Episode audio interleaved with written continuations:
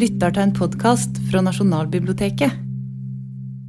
Jeg begynner boka eh, med et litt sånn nostalgisk eh, tankesprang om det, om det der, at man, drømmen om å leve i en annen tid. Det tror jeg ganske mange som eh, kjenner på noen ganger. At det var liksom at det var en ja, mer spennende epoker man, vi har lagt bak oss, som kunne vært eh, gøy å, å delta i. Eh, og Jeg skriver da eh, innledningsvis her at det å befinne seg på akkurat rett sted til rett tid, det er jo ikke alle forunt. Eh, men noen opplever nettopp dette, å være en del av et miljø som ser noe resten av verden ikke har oppdaget ennå som forstår noe litt før alle andre, og som gjør ting på en helt ny, ny måte. Eh, et politisk miljø, en subkultur, eh, en vennegjeng eller en klubb som skriver seg inn i historien fordi de har sparket i gang en ball som fortsetter å rulle. Og Det er lett å la seg fascinere av slike miljøer og det motet som gjerne preger dem. Bloomsbury-kretsen, Fogelstad-kretsen, suffragettene, beatpoetene, Asker-kretsen, Mot Dag, nyfeministene. Ja, det blir nesten som å spille i et band. Eh, skriver jeg her. Og det, eh, jeg vet ikke om mange av dere tok turen og kikka litt rundt på disse plakatene. og Det er sikkert ganske mange av dere som, som eh, fikk med dere 70-tallets eh, kvinnebevegelse også, men jeg må jo si at jeg har vært litt misunnelig da, på, på mora mi, som fikk være med på i kvinnefronten og sånt, når, den gangen hvor feminismen på en måte var en stor bevegelse. og Dette skriver jeg litt om i en bok som jeg kom for fire år siden. hvor Jeg var litt sånn jeg følte at vi liksom, Nå var det ikke så gøy å være feminist, men så har det jo faktisk eh, snudd seg. Og jeg føler at vi kanskje er en del av en, ny bølge, og det ser vi jo nå. At det er eh, arrangementer rundt dette nesten hver dag i Oslo. Um, jeg var, jeg var ja, en nostalgisk anlagt tenåring. husker Jeg var, gikk hjem fra skolen, så, så jeg, hendte jeg satt og bladde i mammas gamle fotoalbum. Særlig det som var fra når vi gikk på folkehøyskole i 1968. Eh, og så bare satt og drømte om de, altså jeg så på de bildene. Det var liksom masse sånne langhåra gutter i afghanerpelser som drev og lagde keramikk på dreieskiver. og eh, gikk i 8. mars-tog med damene sine. og jeg tenkte wow, var, sånn var det ikke på 1990-tallet uh, når jeg vokste opp. Uh, men også etter hvert så begynte jeg da å grave liksom i den bølgen med, altså feministbølgen som var før dette. da. Eh, på 1880-tallet, f.eks. Eh, disse rebelske damene her i Kristiania, eh, Gina Krog bl.a. Eh, bare, det, bare, det, å høre sånne historier om at det, de klipte håret kort og røyka og gikk på kafé, og bare det var jo nok til å, å liksom sjokkere verden. Eh, jeg eh, klipte også håret kort og røyka i på kafé, men det var ingen som ble sjokkert av den grunn. Eh, men disse damene de visste det selv også, altså at de tilhørte en spesiell tid. Anna Bugge, for eksempel, som er en av de damene vi skal høre om nå i Skuld, hun sa dette her Lykkeligere mennesker enn 80-årenes ungdom har aldri eksistert. Eh, sa hun. Og i, et intervju som handla om akkurat dette, at hun var veldig klar over at nå er det på en måte de store prinsippene i verden som løftes opp, og her er det, nå kommer disse diskusjonene, eh, bl.a. om kvinners plass, som ikke hadde eh, foregått tidligere. Eh, og Anna tilhørte da denne klubben Skuld, som da opprinnelig var en hemmelig liten klubb bestående av seks damer. Den ble danna 2.11.1883. Og de seks var, som eh, vi hørte da, Cecilie Thoresen, Marie Holst, Anna Bugge, Betzy Børresen, Mynda Ramm og Laura Rømke. Eh, de vokste jo opp i en tid der kvinner og menn levde veldig forskjellige liv. Kvinner hadde langt færre rettigheter. De fleste utdannelser og yrker var stengt for damer fordi en kvinnes plass var i hjemmet som mor og hustru. Og Kvinner hadde ikke samme arverett som menn, de fikk ikke lov til å stemme ved politiske valg. Faren bestemte over henne rett og slett helt til hun ble voksen og eventuelt gifta seg. Da, deretter var det ektemannen som, som hadde det siste ordet. Eh, og Det het jo i ekteskapsløftene at eh, en kvinne skal adlyde sin mann. Eh, så Damer var rett og slett umyndige, som, på samme måte som et barn. Eh, men så var det noe som var i ferd med å skje eh, i disse jentenes ungdom. Da. Eh, bare fem år før Skuld ble danna, så hadde jenter fått tilgang eller adgang til middelskolen. som tilsvarer dagens ungdomsskole. Det var riktignok med et begrensa pensum i matematikk, fordi matte det trengte ikke kvinner. Men ellers så var det samme middelskoleutdanning som da var blitt innført. Men etter at man hadde fullført middelskolen, så var det få muligheter for damer. Eh, de offentlige gymnasene var jo da stengt, og eh, den høyeste utdanningen de kunne ta, var, en, et, noe som et, var et ettårig guvernantekurs. Og det var det også veldig mange kvinner i Kristiania som tok, fordi det var på en måte det man hadde muligheten til å ta. Eh, så var det denne 22 år gamle Maria Holst, som vi ser som nummer to her. Kom fra Vefsn i Nordland. Eh, og hun hadde overhodet ikke lyst til å bli guvernante. Eh, hun hadde lyst til å studere medisin.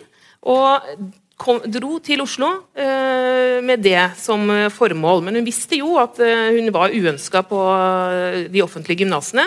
Så hun troppa opp på en privatskole på Tullinløkka som het Vors, eh, Nei, Års og Voss. Det var to Års, Års og Foss. Ja, det var uttales Foss, men det skrives Voss. Ok, greit. Det var navnet på to menn som drev den skolen. Eh, og Der hadde familien hennes noen bekjente, så hun eh, troppa opp der. Men blei avvist. da. Eh, altså, De lærerne hun snakka med, blei rystet eh, over denne forespørselen.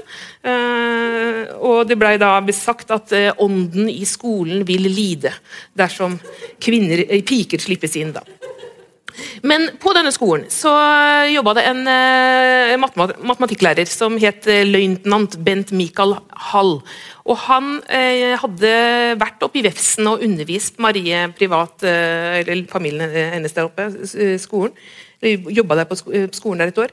Så hun kjente han, og hun spurte om ikke han kunne være interessert i å undervise henne. Og Han bestemte seg sporenstreks for at ja, det vil jeg, og jeg setter i gang et kurs Eh, det var sikkert av praktiske årsaker. Eh, for da, Når man først skal undervise én, så kan man undervise flere. Et, art, for kvinnelige studenter i Oslo. Det første i sitt slag. Eh, og Han annonserte i avisa etter flere studenter. og de, da, da han, da, de som meldte seg på da, var Anna og Laura og Betzy og Minda eh, meldte seg på, og høsten 1883 så starta den, denne lille privatskolen da, i eh, huset til eh, mora til Hall på Fredensborg. Eh, det å gå, ta privatundervisning på den måten her var jo selvfølgelig en, no, en kostbar affære. Og eh, jentene var selvfølgelig da avhengig av støtte hjemmefra. Eh, disse kom ofte fra, De fleste av dem kom fra liberale kretser i borgerskapet. Um, og som Marie fra Nordland da, så var de også innflyttere til hovedstaden alle sammen. Minda var eh, prestedatter fra Sogndal.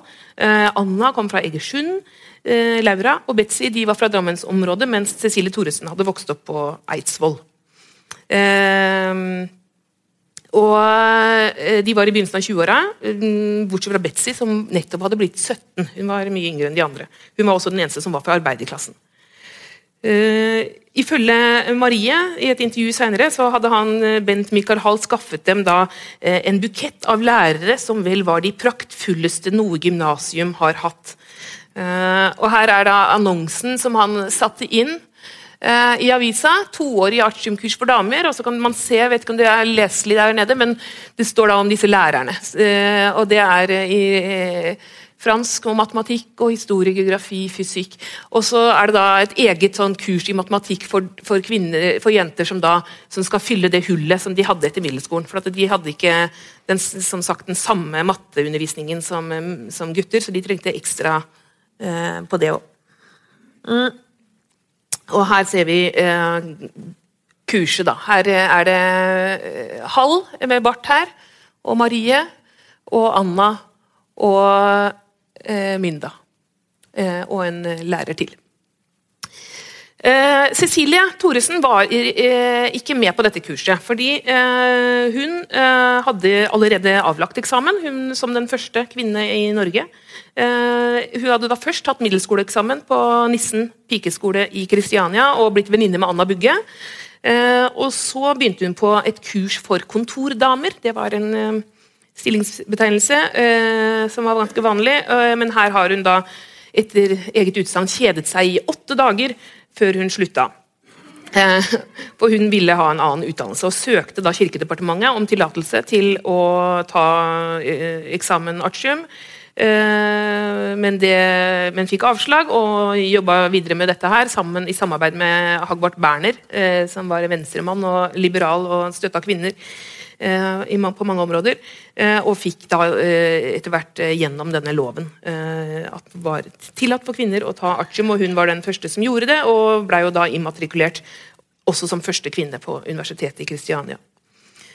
Um, altså Kampen for lik rett til utdanning var ikke helt ny eh, på dette tidspunktet. Altså, det har jo vært, eh, altså Allerede i middelalderen så, var det, så ble jo temaet eh, løfta fram at kvinner skulle jeg skal forresten glemte jeg å vise her, Cecilie Thoresen. Når hun da tok artium, så var jo det en stor nyhet. Kom på førstesida av VG. Så det, det, ble lagt merke til. Eh, allerede i middelalderen eh, så snakka man jo om eh, kvinner og utdanning. Eh, her har vi den tyske klosterkvinnen Hildegard von, eh, von Bingen, eh, som kanskje var den mest kjente dama fra den epoken. Hun skrev jo viktige verk om medisin og teologi og botanikk i en tid hvor størstedelen av verdens befolkning var analfabeter. Og hun komponerte musikk og utdanna andre kvinner i klostrene. Så i middelalderen var jo klosteret et sted hvor kvinner kunne få utdanning. Eh, Eh, den italiensk-franske forfatteren Christine de Pisan eh, levde også i middelalderen, og hun eh, argumenterte sterkt for at kvinner kan være like intelligente som menn hvis de bare får tilgang til samme utdanning. Det var veldig veldig kontroversielt å si det, for det var jo ikke det som Man, man så jo ikke på kvinner og menn som to altså, Man var av natur veldig forskjellig, det var det, det rådende synet men hun eh, talte imot det. Eh, ordet feminist er jo også fransk. Eh, hun ble jo da omtalt Christine Pizan, ofte som verdens første offentlige feminist. Eh, men det ble ikke brukt på den tida der. Eh, det var først på i forbindelse med russisk, nei, franske revolusjonen og 1700-tallet at man begynte å snakke om feminisme. jeg har noen bilder her, for jeg har laget en bok om feminismens historie på verdensbasis i tegneserieform sammen med illustratør Jenny Jordal. Så jeg eh, tenker at eh, de tegningene kan funke like bra som sånne bilder fra internett. Ehm, men eh, Olymp de Gogh var jo da mm, en av de første som, som man kaller feminist i historisk basis. Det var jo da altså i forbindelse med at Frankrike hadde fått sin grunnlov etter den franske revolusjonen, så så var det var mange fine ord der om fri, frihet, likhet og brorskap i denne erklæring om eh, menneskers rettigheter. Men eh, dessverre så gjaldt disse fine eh, ordene bare menn. frihet, likhet, brorskap. ja, og ble, det, Da ble hun veld, mektig irritert og og skrev sin egen erklæring, som heter 'Erklæring om kvinnen og borgerinnens rettigheter'. Uh, og hun hadde jo dette berømte utsagnet at eh, kvinnen uh, har jo rett til å bestige skafottet. Da må hun ha like stor rett til å bestige talerstolen. Skafottet er jo det våpenet som ble brukt til å halshugge folk på torget. Og det gikk jo dessverre troll i ord for Olymp de Gog, som, måtte, som endte sitt liv da med å bli halshugget for å protestere mot disse store mennene i Eh, revolusjonsmennene. En av de største av disse navnene i den franske revolusjonen var jo sveitsisk-franske eh, Rousseau, eh, filosof, eh, som eh, i sitt eh, hovedverk, eh, 'Emil', som er en sånn eh, en bok om pedagogikk, bl.a., annet, så, så han, er han veldig opptatt av at kvinner og menn har ulike roller. Og han mener at man må da, jenter må allerede i veldig ung alder forberedes på det som er deres viktigste oppgave i livet, nemlig å stille opp for mannen. Og, og han skriver da de må forberedes på å behage dem, altså mennene. Være nyttige for dem, bli elsket og æret av dem. Det var jo hyggelig. Eh, oppdra dem når de er unge. Pleie dem som voksne, råde dem, trøste dem og gjøre livet behagelig for dem. Og det, Da trenger man jo ikke matematikk, for å si det sånn. Altså, det er, er eh, en egen skole. Eh, den, eh, ja, Mary Walsoncroft var jo en av de som tok til orde mot denne forståelsen. Hun eh, skrev en, eh, et motsvar til Emil. Og, så hele veien så har det vært kvinner, det har veldig, i mange århundrer vært kvinner som har eh, snakka imot eh, dette kvinnesynet. Men eh, det var på en måte ikke før eh, man slo seg sammen på midten av 1800-tallet og begynte å snakke sammen og lage en form for kvinnebevegelse, at uh, ting uh, begynte å skje. Uh, og det, den første det, Kvinnebevegelsen som, liksom, det, den oppsto i USA, egentlig. Først, det, vi kaller for det første møtet i kvinnebevegelsens historie, var i 1848 igjen, i Seneca Falls. Eh, og så spredde det seg jo rundt. Eh, ikke først og fremst som kvinnesaksgrupper. Det ordet kvinnesak var jo veldig eh, touchy, holdt jeg på å si. Man kunne ikke akkurat kalle seg for eh, det, var, det, å diskutere det ble sett på som veldig ukvinnelig. Eh, men, men, man kalte det ofte for leseforeninger. Det var jo pent, altså Borgerlige kvinner kunne jo lese sammen og diskutere boka. Eh, og så at man da ofte da diskuterte politikk i samme slengen. Det var det ikke alle som oppdaget. Her har vi da Kristiania eh, kvinnelige lese, leseforening, som ble dannet av Camilla Collett. Og her ser vi Camilla Colletts statue der, da. Um, her har vi eh, Ragna Nilsens eh, Dette er pikes, uh, pikeklasse. Men Ragna Nilsen var jo også den som innførte fellesskolen i, i Norge. Eh, og felles skole for eh, jenter og gutter. Eh, og det var jo også et skritt i den retningen av at, at man kan omgås. Her har vi en, en gruppe i Larvik. Jeg syns det var så fint med disse rutete kjolene. Det er en leseforening i Larvik. Men, så, så, det fantes leseforeninger, men, men diskusjonsforeninger og, og kvinnesaksgrupper hadde man ikke starta Eh, i Norge før Skuld. Eh, og, og, Det var jo bare et par måneder etter at dette artiumkurset var eh, starta, at, at, Laura Rømke sa kan vi ikke lage en, en, diskusjonsklubb. Og Det gjorde de, og fikk en programerklæring på plass. Eh, som lyder sånn, med den erfaringssetning for øye at samhold gjør sterk har vi, til undertegnede, nei, har vi undertegnede til kvinnesakens fremme. og Det, var, et, det var liksom et nøkkelord. Til kvinnesakens fremme. Det, er, eh, det var basisen. Besluttet at stifte en forening hvis medlemmers formål det er i ukentlige sammenkomster under alminnelig meningsutveksling angående tidens brennende spørsmål at bidraget til hinandens selvutvikling og erverve seg den letthet og slagferdighet i diskusjonen der i vår tid er nødvendig for den, for den som har et standpunkt at forsvare, og en, om en beskjeden, plass å hevde at hevde på den åndelige utviklingsområdet. Jeg er ikke så god på å lese et gammelt dansk, sier jeg. Men det er i fall, dette her nøkkelgreiene at de skal, det er en diskusjonsklubb hvor man skal øve på å debattere for å kunne delta i debatt. Og det hadde jo ikke kvinner noe erfaring i. Um, så, og Mange begynte jo å tenke at det kanskje skulle altså denne tanken om at eh, kvinner skal ha stemmerett Dette er 30 år før vi fikk stemmerett i Norge, men mange hadde jo fått eh, den spiren var begynt å, å oppstå hos mange. og man tenkte at hvis vi skal delta i eh, debatt, så må vi øve. Så det var det som var poenget.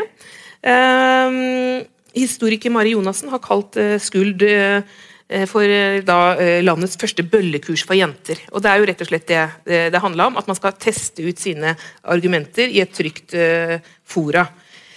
Uh, Ifølge norrøn mytologi så er Skuld den av de tre skjebnegudinnene som skuer inn i framtiden. Og det passa jo da veldig godt for det som var landets første kvinnesaksforening. Uh, Cecilie Thoresen ble valgt som første leder. Det var naturlig. Hun var uh, allerede den som hadde markert seg mest. Eh, og De møttes da som sagt ukentlig. Treffene de var hjemme hos eh, medlemmenes eh, på, på pikeværelsene. Og så var de veldig strenge synes jeg, på disse statuttene sine. Altså de, ikke nok med at de skulle møtes hver uke, men, men før hvert møte så var alle medlemmene forplikta til å levere inn forslag til hva som skulle være neste ukes diskusjonstema. Og så stemte de over disse forslagene.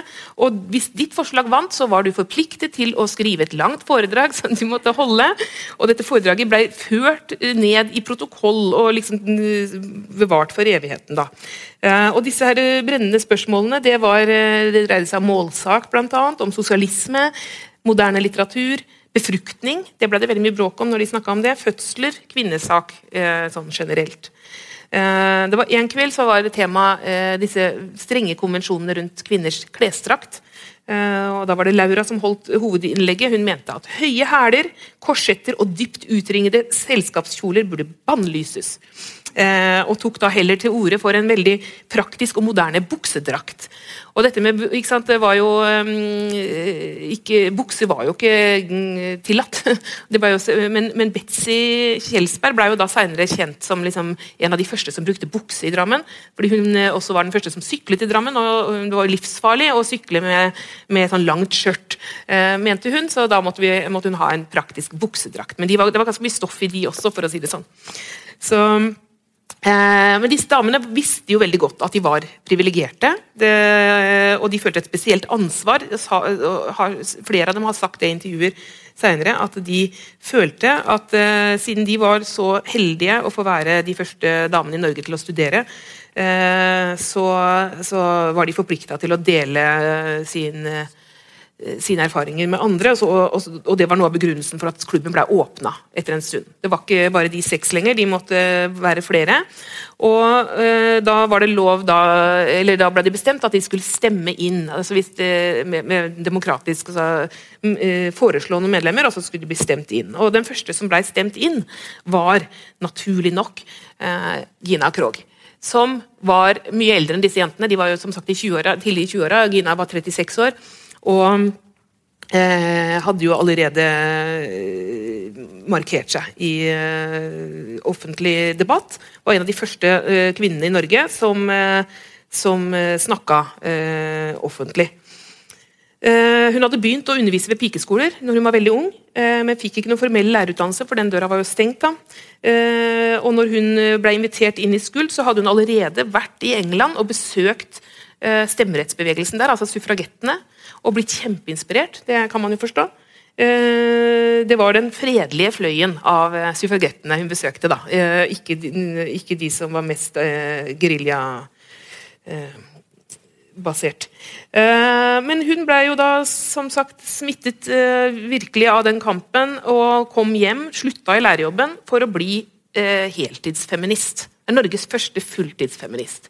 Og Det er jo et valg å ta. Du blir ikke kjempepopulær på 1880-tallet av å være feminist på heltid i Norge. Eh, ikke lett å få jobb. Eh, om det var frivillig eller ikke, det vet jeg ikke, men ugift og barnløs var jo hun og veldig mange av disse kvinnene som jobba, denne, som jobba med mm, kvinnesak i, i, Norge på den tida. Um, hun levde på almisser fra broren sin, rett og slett, men, ga, men, men holdt, holdt, det bare gående. Eh, I tiår etter tiår.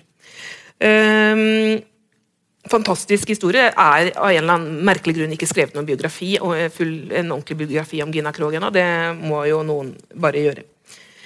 Um, det eh, skulle ikke ta så lang tid da, før disse litt yngre Skuld-jentene også fikk delta i debatten. Eh, fordi eh, i oktober 84 så inviterte Det Norske Studentersamfunnet til en debatt som het eh, eh, 'Kvinnens stilling i samfunnet'.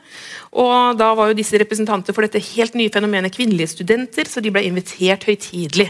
Og blei da de første kvinnene som fikk lov til å komme inn i studentersamfunnet. Og også da første til å tale selvfølgelig da fra talerstolen.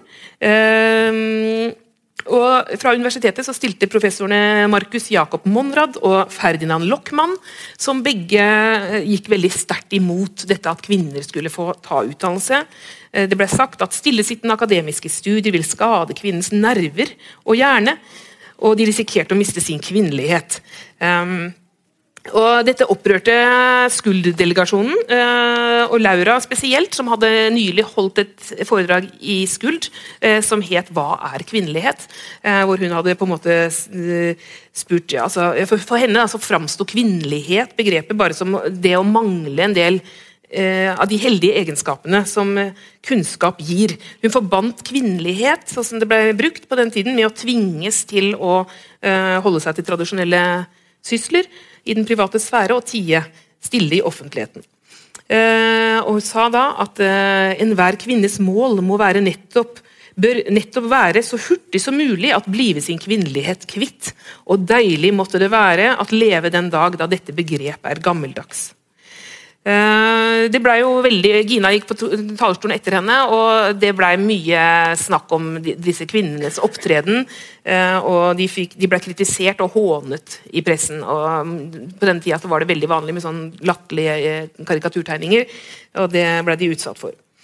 Um, jeg, jeg, jeg skulle bare For ikke være for Oslo-sentrert, skal jeg bare ta med en liten historie fra Horten her også. for Det var jo ikke bare i, i Oslo at vi hadde leseforeninger og diskusjonsklubber. Um, Marie Høeg, er det noen som har hørt om henne? Ja, bra. Uh, hun uh, ble jo født i Langesund, og så jobba hun som fotograf. Eh, veldig uh, ung, begynte veldig tidlig med det. Det er liksom spesielt, for når man, vi tenker på sånne 18, ja, 18 70-, 80-, 90-tallet, altså når fotografiyrket var nytt, så var faktisk én av fire fotografer i Norge kvinner. Og Det høres jo rart ut i dagens, eh, fordi at det var så få kvinner i yrkeslivet. Men det handla om at dette var, det var en helt ny profesjon. så Den hadde ikke en sånn lang eh, sånn proteksjonistisk mannstradisjon hvor at menn skulle liksom holde kvinner ute. Det var nytt. Og Det var dessuten forbundet med at man tok jo familiebilder, og bilder av, og det var jo veldig sånn uh, kvinnelig, da, med familie og barn og sånn. Uh, dessuten så var det liksom kunstnerisk og estetisk blikk, og de har så små fingre, og det er vanskelige apparater. Og, så det var liksom mange som tenkte ja, ja, det passer for damer. Så det var et sånn friområde hvor mange kvinner fikk uh, slippe til. Og Marie da blei elev hos en fotograf i Brevik. Så dro hun til som som 24-åring så jobba hun som fotograf i Finland. Og blei kjent med den eh, fem år yngre Bolett Berg, som kom fra Nannestad. Og de flytta eh, til eh, Horten og starta sitt eget fotoatelier. Eh, Berg og Høg. Her har vi, nå er det sånn at På den tida så Ordet lesbisk fantes jo ikke. Det var jo Ingen som skjønte, ante at kvinner kunne like hverandre på den måten. Det var jo helt fremmed. Eh, så Det står jo ingen steder, men i det tilfellet her så var det ganske tydelig, eh, vil jeg påstå. Så Vi har ikke, vi har ikke skrevet det, men vi har lagt til en så liten blunk. Som en antydning at dette var et par. da. Eh, men hun hadde da plukka opp feministiske impulser i Finland. Finland var jo veldig tidlig ute med å få stemmerett for kvinner, blant annet. Der var det de var foregangskvinner. Og, og, og, hun eh, tenkte at hvis vi, få, hvis vi, skal gå i den retningen av stemmerett, så må vi jo øve på å delta i debatt. Så hun lagde diskusjonsforening, Den selskapelige diskusjonsforening. Eh, I 1896 så møtte et titalls kvinner opp i deres fotoatelier, og så ble det da en av landets første diskusjonsgrupper. Den foreningen var veldig omstridt i borgerlige Horten. Det var, veldig, det var mange ektemenn som mente at dette her med kvinnesak det vil jo føre til uh, umoral og brutte ekteskap. Uh, og det gjorde de jo for så vidt også. Eh, men eh, det var jo mange som var med i klubben, og Marie da ble mer og mer engasjert i debatten om stemmerett og samarbeida masse med Gina Krog. Eh, og, mm, og, så var hun 47 år gammel når den kampen da etter hvert ble krona med seier. Og så På sine eldre dager så bosatte Marie og Bolett seg på en gård på Hadeland. og Der drev de med kaninavl. Og så levde de sammen i over 50 år. På midten av 1990-tallet, altså for liksom 20 år siden, så ble det oppdaga en eske med glassnegativer eh, i den låven. En sånn liten sånn treske, så sto det 'privat' sto det på hele. Og så ble dette sendt til Frøys fotomuseum i Horten. Og, eh, og så, da, så, skjønte man at disse jentene hadde jo da lekt med fotoapparatet på kveldstid gjennom mange år. Eh, og på disse bildene så poserer eh, Marie kortklipt i herreklær med bart og røyk og drammeglass. Så jeg har skrevet da Marie Høeg var ikke bare en politisk foregangskvinne, hun var også en queer-pioner. Eh, og så litt av morsom PS her. Facebook-gruppa, Den selskapelige diskusjonsforening, den har jo nå altså, 6 000, over 6000 medlemmer. Jeg tror det er over 7000 nå. Eh, kvinner som hver dag diskuterer eh, de brennende spørsmål. Eh, så det er jo litt gøy. Jeg skal se på de bildene til Marie her. Dette er jo stilige saker. Eh, ingen eh, tvil om at eh, de, at det var ganske bra at de ikke fant de bildene den gangen. For det hadde ikke blitt mer populær i Horten av det. Mm. Men, ja, nei, men det var liksom bare for å vise at det fantes andre steder Det skjedde ting andre steder enn i Oslo også. Um, ja, så når Gina Krog da kom på plass, hun var jo respektert, eh, en respektert, dyktig kvinne, så ble jo klubbens guld mer attraktiv. Folk begynte å skjønne at det her skjer det noe. Eh, og de, meldte, Flere og flere kom inn. Det ble 24 stykker til, til slutt. Det er iallfall det som er på den lengste medlemslista. så står det 24. Eh, og De nye medlemmene var stort sett eh, enten ugifte yrkeskvinner eh, eller damer som var gift med radikale pressemenn eller med venstrepolitikere. Eh, det nystarta partiet Venstre var eh, sterkt representert. Blant de mest kjente da var Randi Blair, Fernanda Nissen, Mathilde Schjøtt, Anna Kvam, Margrethe Vullum. Eh, og Etter hvert så trengte man jo da større lokaler, kunne ikke være på jenterommet lenger. Og da var det en, et av de nye medlemmene, Pauline Taulov, hun ble kalt bare Pylle blant venner. Hun var gift med en apoteker som drev det store Løveapoteket i Storgata. Eh, og De hadde utvida dette apoteket med en stor ølhall som het Løven. Og På toppen der, altså, eller øverst, så var det et, eh, et, um, loft som disse damene fikk bruke. Så her var det et sånn miljø. Det var en sånn eh, liksom folkelig bar der av arbeider eh, det gryende arbeiderbevegelsen eh, holdt til. Eh, og Da hadde de et fast tilholdssted og, og høyere medlemstall og kjente samfunnsaktører i rekkene. så Han var ikke skulle lenger noen sånn liten uh, uformell, hemmelig klubb. Uh, ble, de ble lagt merke til. På godt og vondt. Det skjedde da ikke minst etter at Anna Bugge holdt dette foredraget om befruktning og fødsler. Det, da blei det en del oppstandelse. Eh, og så gikk det da noen måneder eh, til. Uh, til sammen så var jo bare denne klubben aktiv i sånn, halvannen-to år før man begynte å, å se at, at, nå er tiden moden rett og slett til å ta kvinnesaken litt sånn ut i den større sfære.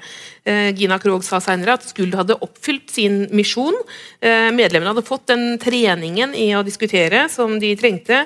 Og kvinnesaken var plutselig på alles lepper, og i uh, juni 1884 så blei Skuld omdøpt til Norsk kvinnesaksforening.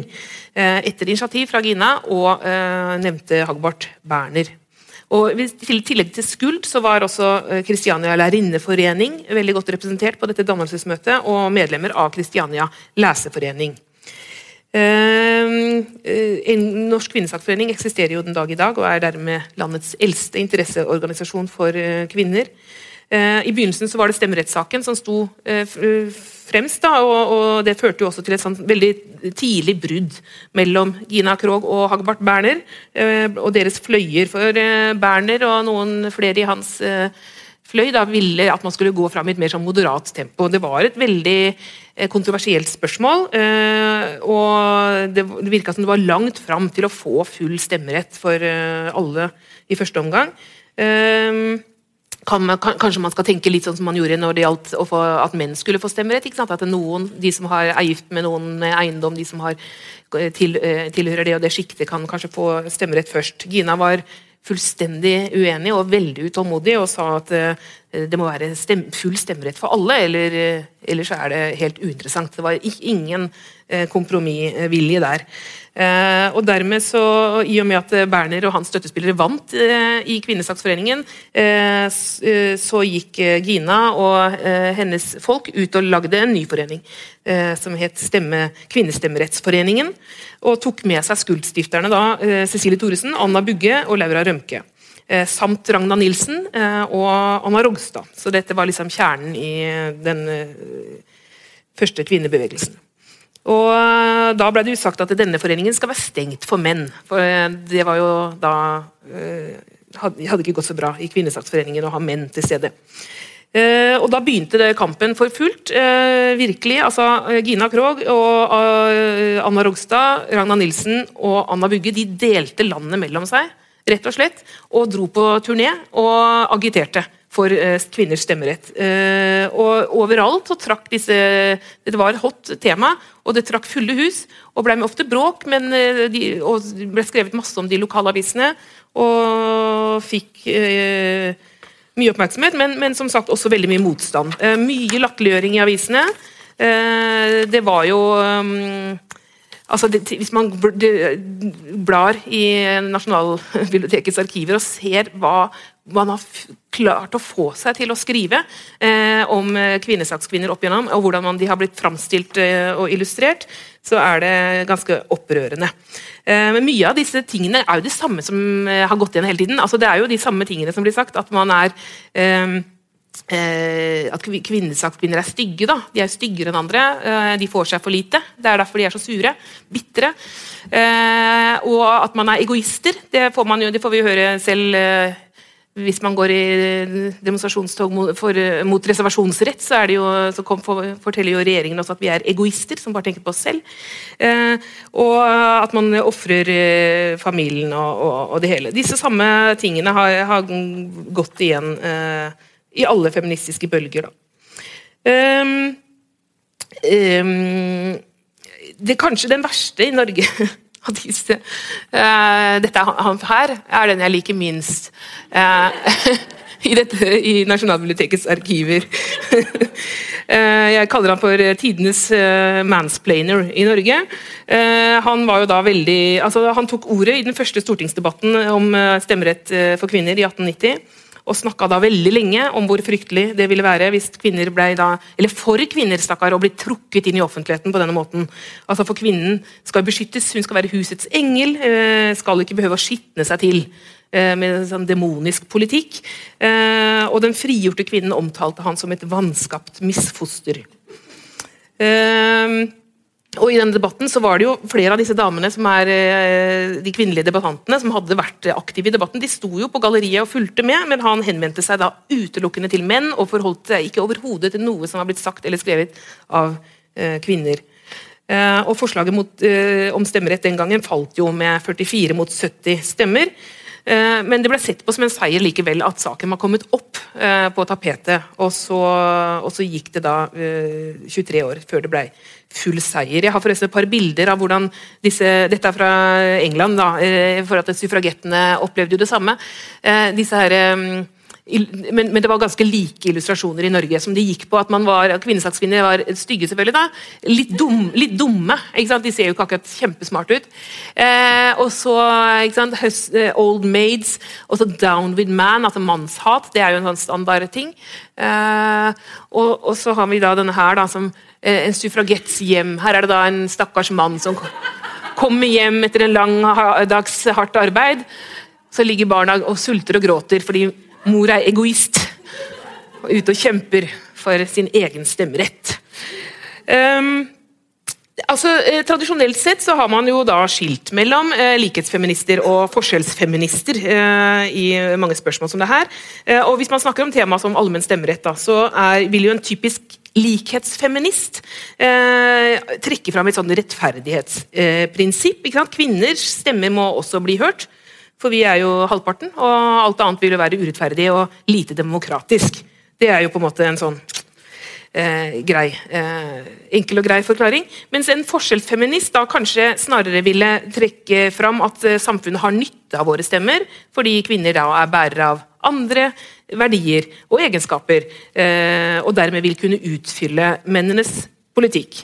Eh, også fornuftig, for så vidt. De fleste mener jo en sånn miks av disse tingene her. Eh, men altså, denne forestillingen om at menn og kvinner eh, er diametrale motpoler og skal utfylle hverandre, den, det er jo en sånn det, eh, bilde. Så, altså, og I romantiske tilfeller så skal man jo da liksom smelte sammen til en helhet. Veldig romantisk. Eh, det, det, er jo en eh, forestilling som eksisterer i kulturen til dags dato, og som brukes veldig mye. At vi liksom skal eh, Det er yin og yang. ikke sant? En svart og en hvit, en myk og en hard, og en sterk og en svak. Og, jeg er ikke så innmari tilhenger av det, da. Men, eh, men, det er jo en måte å se det på. og det er jo en sånn måte å, altså Det kan jo være en pragmat, pragmatisk måte å diskutere saken på, tenker jeg. At det, Uansett man, hva man mener, så kan det jo være altså hvis, du, hvis folk ikke vil synes at kvinner skal stemme, så kan man jo si at ja, men da får, vi jo, da, da får vi jo også dekket dette området, for vi tenker jo annerledes enn dere. Så det er pragmatisme, kanskje. Um, et annet perspektiv. Eh, og det også i, Jeg skriver litt om det i, i denne boka. her da, at eh, for Jeg har også et kapittel om eh, sedelighetsdebatten, som jeg syns kjempe, var kjempegøy. at Der tror jeg også at det kanskje var litt pragmatisme ute og gikk. ikke sant, at det Eh, at mange eh, kanskje gjorde en litt sånn rasjonell eh, overveielse av mulige utfall. Da, i forhold, hvis jeg sier dette, hva vil da skje? Det var ikke rom for kvinner å si akkurat hva de eventuelt følte inni seg i sedelighetsdebatten. Man måtte ta et rasjonelt eller pragmatisk standpunkt. Det gjorde også Bjørnson. Eh, som på en måte var en sånn driver i, i den debatten. Han kom jo, dere, Mange av dere kjenner sikkert historien. Han kom med skuespillet 'En hanske'. Her er det en, en eh, karikatur av, han, eh, av, Bjørnson som da driver og pisker menn med denne moralismen som han eh, lanserte i hanskeskuespillet sitt. Eh, enkelt og greit så var det da et krav om at eh, siden kvinner må være seksuelt avholdende før ekteskap, så bør menn også være det. Det var på en måte hovedbudskapet. Eh, det må være likestilling mellom kjønnene på, også på det seksuelle området. Eh, og det skapte jo fullstendig bestyrtelse blant eh, menn, dette her kravet. og debatten raste i, blant bohemer og teologer og politikere og Arne Garborg og Bjørnson selv, og, og også internasjonalt. altså August Strindberg og Georg Brandes var veldig deltakende i denne, dette ordskiftet, eller hanskestriden, som det ble kalt. Eh, og, disse ble jo også uvenner for livet pga. dette. her. Eh, det var mange damer som meldte seg på i debatten. Eh, for de mente jo at dette med seksualitet også handla om dem, men det var jo ikke mennene enig i. Det ble sett på, som veldig, det ble sett på med veldig unådige øyne at de skulle si noen ting i det hele tatt. De dukka opp, det dukka opp flere kvinner på disse, disse møtelokalene. De opplevde ofte å bli fryst ut. Og konservative aviser som Morgenbladet og uh, Aftenposten kommenterte tilstedeværelsen til kvinnene med forargelse. Uh, Aftenposten skrev blant annet da, i en uh, Redaktøren skrev at det var viktig at unge mennesker, og særlig unge kvinner, så lenge som mulig beholdt sitt sinn og sin tanke ren og ubesmittet. Det var tvilsomt, mente redaktøren, om kvinner overhodet burde få kjennskap til menneskets fysiske dannelse og de forskjellige organers bestemmelse og funksjon. Um, men det var jo da en del kvinner som trossa denne motstanden og vemmelsen som de ble møtt med, og de støtta jo da stort sett Bjørnsons krav eh, om likestilling. Eh, altså Sedelighetsdebatten var jo også et spørsmål om prostitusjon. ikke sant? Fordi det var, jo, det, var jo, prostitusjon det var snakk om når, var, når, man mente å ha sex før ekteskap. Det var jo, eh, det, var jo det som var eh, kjernen. Og Der var jo kvinnebevegelsen helt klar, at prostitusjon må avskaffes. For det er eh, både sosial, et sosialt problem og umoralsk, selvfølgelig. Um, det, men eh, hvis man ser med dagens øyne, da, så, så, vil man jo kanskje lure på hvorfor ikke noen flere da, tok til orde for dette, en tredje mulighet. Da, altså, at kanskje både kvinner og menn skulle kunne liksom, ha sex før ekteskap. Men det var jo selvfølgelig ikke tiden moden for. Og hvis en kvinne hadde tatt det standpunktet, der jeg snakker om pragmatisme igjen, hvis en kvinne hadde tatt det standpunktet, så, så ville det vært helt umulig uten å samtidig skandalisere seg sjøl. Eh, og så var det ganske mange som mente at dette likestillingskravet var innmari urettferdig mot menn, fordi eh, det ble jo hevda at, at, kvinner ikke hadde like sterke seksuelle behov. Og det ble støtta fra medisinsk hold. Eh, for da så var det den kjente gynekologen Oskar Nissen eh, som eh, i en debatt på Studentersamfunnet kunne opplyse folk om at kun 10% av alle kvinner har kjønnsdrift. Det, det var, sånn er det bare. Eh, og ettersom kvinner dermed ikke blir utsatt for samme typen fristelser, så var det veldig mannfolkfiendsk å kreve likestilling. Og Han la deretter til noen ord om menstruasjonens negative innvirkning på kvinners arbeidskraft. Eh, så hadde du en amerikansk lege som het Charles Taylor, som også ble sitert her hjemme. Han gikk lenger eh, i 1882. og Han skrev da at kvinner praktisk talt ikke forsto hva seksualitet innebar. Ehm, så det, det, var på en måte Man kunne ikke høre, lytte til kvinners stemme i debatten. Ehm, hvis man skal liksom forsvare disse legene litt, så, eh, så var det jo eh, så var det jo Snakka de jo på vegne av eh, hva som var pensum på medisinstudiet. Klitoris var jo f.eks. ikke oppdaget i det hele tatt, og langt mindre omskrevet. Så, så dette var jo det man trodde var riktig. Um, denne Sedelighetsdebatten den førte til splittelse igjen da, i det ganske ferske norske kvinnesaksmiljøet. fordi eh, Daværende leder i Kvinnesaksforeningen, Ragna Nilsen, hun, hun, var veldig engasjert i tematikken og ble opprørt over det som ble sagt på disse møtene i Studentersamfunnet. Og mente at det, det mannlige publikummet hadde eh, oppført seg krenkende overfor de frammøtte damene med lene, hånlige ansikter som fortrakk seg til spottende grin hver gang noe ble sagt i retning av krav om selvbeherskelse. Også hun ønska at Kvinnesaksforeningen skulle arrangere et protestmøte eh, mot eh, bohemenes moralsyn. Eh, men så var det jo da mange andre i miljøet, bl.a. Gina Krogh, som mente at nei, Kvinnesaksforeningen skal ikke opptre som sånn moralske eh, overdommere i eh, seksualspørsmål.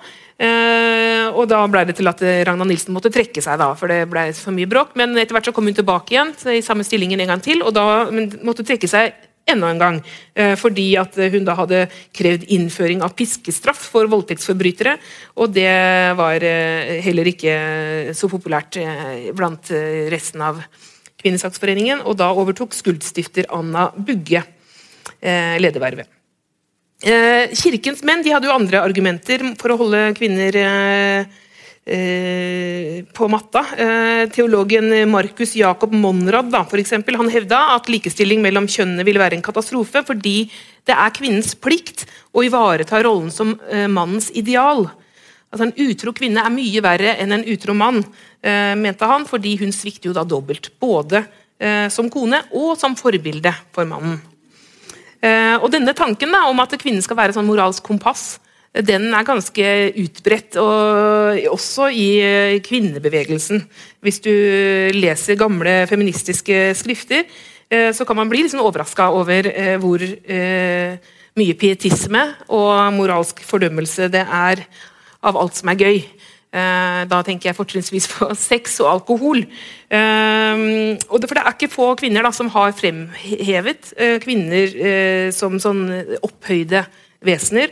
Eh, at man har liksom en medfødt høy moral og en edel natur. Eh, og Hvis dette har blitt utfordra, har veldig mange feminister tatt til orde for eh, å opprettholde det, dette ledes, moralsk ledestjernestrategien. Det er kanskje ikke så rart at mange har antatt at from, kvinners fromhet er medfødt. fordi Hvis du ser tilbake, så levde jo de fleste av fortidas kvinner veldig dydige liv. Eh, det var ikke så mange alternativer, for å si det sånn. Eh, hvis du er, liksom, har fått en streng jenteoppdragelse og har, eh, er uten egen inntekt, og du er bundet til hjemmet gjennom konkrete omsorgsoppgaver eller moralske kodekser, da, så begrenser mulighetene for utskeielse seg ganske av seg sjøl. Uh, og I årene før den seksuelle revolusjonen så var jo også uh, sex synonymt med graviditet. Uh, på mange måter. Alkohol gjerne, var jo synonymt med sosial elendighet, eller familier der mannen drakk opp hele lønna. Og man havna i, fattigdom. Så Da kvinnene organiserte seg første gang, så var jo det veldig ofte i misjon og avholdsforeninger. Og også den kvinnebevegelsen som oppsto i USA, som var den første, det var jo sterkt knytta til religiøse grupper. Så Historisk sett så har kvinner hatt alt å på eller alt å vinne da, på å fremme sedelighet og høy moral. Eh, både i sitt eget hjem og i samfunnet for øvrig. Men feilslutningen både teologer, og filosofer, og politikere og feminister har gjort, er jo da simpelthen å koble den dydige livsførselen til kvinners natur. Eh, jeg tror at med det så tar jeg og håper at alle de som ikke har vært ute og sett denne fantastiske 70-tallsutstillingen, tar eh, seg en runde der. Og så håper jeg at vi ses i toget i, på torsdag, alle sammen. Uh, ha en strålende 8. mars-markering. Takk.